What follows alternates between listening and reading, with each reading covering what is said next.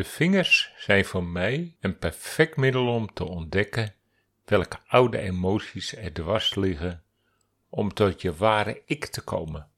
Of je dus op je pad loopt wat perfect bij jou past. Hi, leuk dat je luistert naar weer een aflevering van de podcast Hele de Vingers. We hebben externe motivatie nodig om tot actie te komen. Maar onze interne communicatie beslist of we de actie doorzetten of juist afbreken.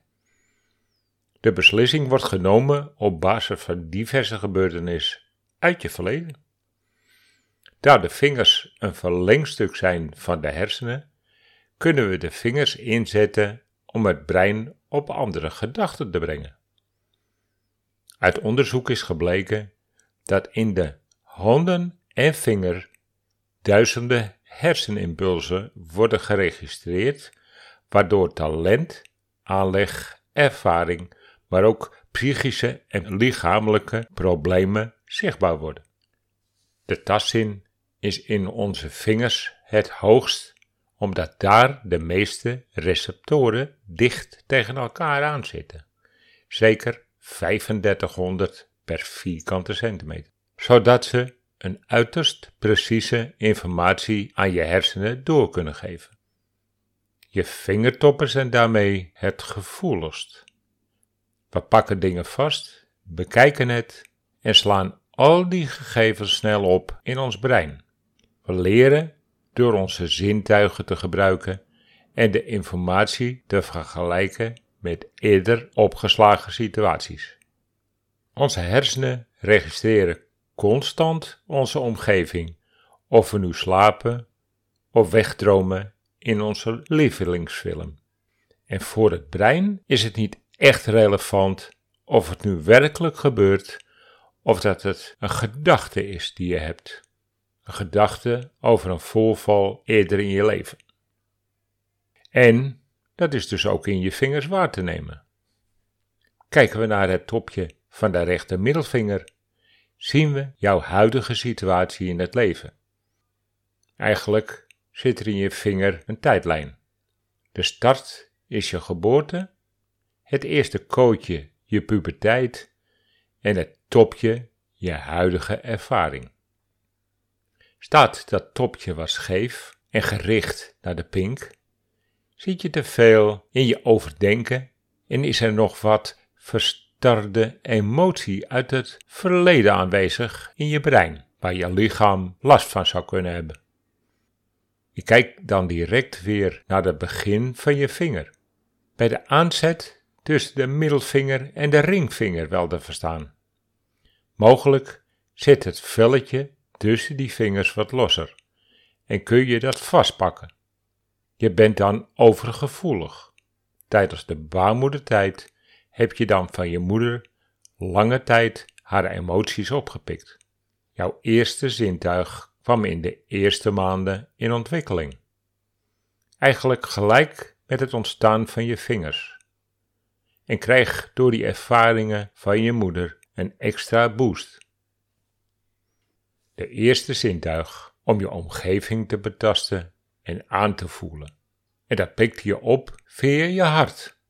Want het brein was toen nog niet echt optimaal. Voordat je brein de taak overnam, had het hart dus de controle over jouw ervaringen. Je was open, leergierig, wilde alles ontdekken op je pad. Zo rond je puberteit was het brein in staat om een eigen mening te vormen en verloor je eigenlijk die verbinding vanuit je hart. Zeker als je wat hoger gevoeliger bent door de ervaringen in die waarmoeder. En dat het topje op het huidige moment nu wat scheef staat, is dan logisch voor mij. De balans is zoek. Te veel in de emotie uit het verleden en te weinig verbinding met je ware zelf. En die is te vinden in je linkermiddelvinger. Kijk eens goed naar die linkermiddelvinger. Leef je vanuit je hart en sta je in perfecte verbinding met alles wat is? Dan staat je vingertop mooi recht, toch? Maar staat het topje ook wat scheef naar de pink, dan gebruik je niet optimaal je eigen potentie. Er zit te veel overdenking en dus wat oude emotie dwars. Eigenlijk bewandel je een oud patroon. Ik zie dit vaak bij mensen die voor een verandering staan. Ze hebben goede plannen, maar het brein zorgt voor de weerstand van die eerste stap. Het lukt ze niet, hoe leuk die nieuwe mogelijkheid ook is. Herkenbaar? Loop je nog niet op het pad wat voor jou bestemd is? Is die linker middelvinger de juiste keuze om daar eens aandacht aan te besteden? Je hebt daar je eigen toekomst in handen. Zonder de beperkingen uit het verleden die het brein je geeft via je rechtervinger. Er moet dan wel iets radicaals veranderen. Om te zorgen dat het beter kan, heb ik een kleine oefening voor je. Denk aan een verandering voor in je toekomst. Het maakt niet uit of het een simpele of een radicale verandering is. Het gaat om het proces. En denk niet aan de stappen die je zou moeten zetten, maar aan het resultaat wat je zou behalen als je die stappen zou hebben gezet. Dus verder kijken dan de veranderingsproces. Alsof je mij in de toekomst spreekt en mij vertelt hoe je zo ver bent gekomen. Daar er in de toekomst nog geen gevoel en emotie aangekoppeld kan zijn, dien je een nieuwe en gewenst gevoel aan te koppelen. Denk dus aan je mooiste herinnering en bedenk er een kleur bij. En met die gevoelens kijk je naar die veranderend leven en voel je dus het uiteindelijke resultaat. Blijf het ervaren en ontsluit met je vingers van je rechterhand je gehele linkermiddelvinger, inclusief het topje. Geniet van hoe je het voor je ziet en het zal geschieden. Het hart zorgt voor een verbinding met je grootste verlangens in combinatie met de daarbij behorende acties. Die verbinding met je verlangens en het vertrouwen op je hart zorgt voor de juiste trilling om verbinding te leggen met dezelfde frequentie. Adem diep en ontspannen in. Hou even je adem in en blaas nu al die kleuren die je net bedacht uit over je vingers.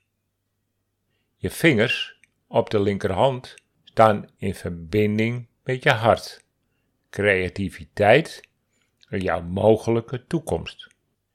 Door de dingen die je in je leven hebt ervaren, heb je diverse soorten emoties opgebouwd. Aan de ene kant perfect, maar bij nieuwe stappen heb je die oude emotie totaal geen nut. Sterker, ze houden je af van de juiste stappen. Want doordat het topje van de linker middelvinger ook scheef staat, doe je nog niet wat je vanuit je hart zou willen doen. Dat kan door de oude emotie komen die je nog parten spelen, maar ook omdat je nog niet echt achter je kernkwaliteiten staat. Waar je goed in bent, vind je niet in je hoofd, maar zit in de manier hoe je in het leven staat, hoe je met anderen omgaat en hoe zien anderen jou. Want om wat te willen betekenen voor de ander, dien je wel te weten hoe de ander jou ziet. Ben je zeker van jezelf of heb je daar wat hulp bij nodig? Dat komt aan bod als we met de beide pinken aan de slag gaan. Eerst maar ontdekken wat het hart eigenlijk wil vertellen. Ga terug naar je vroegste verlangens. Waar liep je warm voor? Waar ging je interesse naartoe? Waar wees jij met je wijsvingertje als verlangende en geïnteresseerde naartoe? Word weer zielsgelukkig. Daar wordt de ziel gelukkig van. Zullen we daar de volgende keer met de wijsvinger op terugkomen? Leuk dat je tot hiertoe hebt geluisterd. Tot de volgende keer. En heb je een vraag? Mail dan naar podcast.dactyologie.nl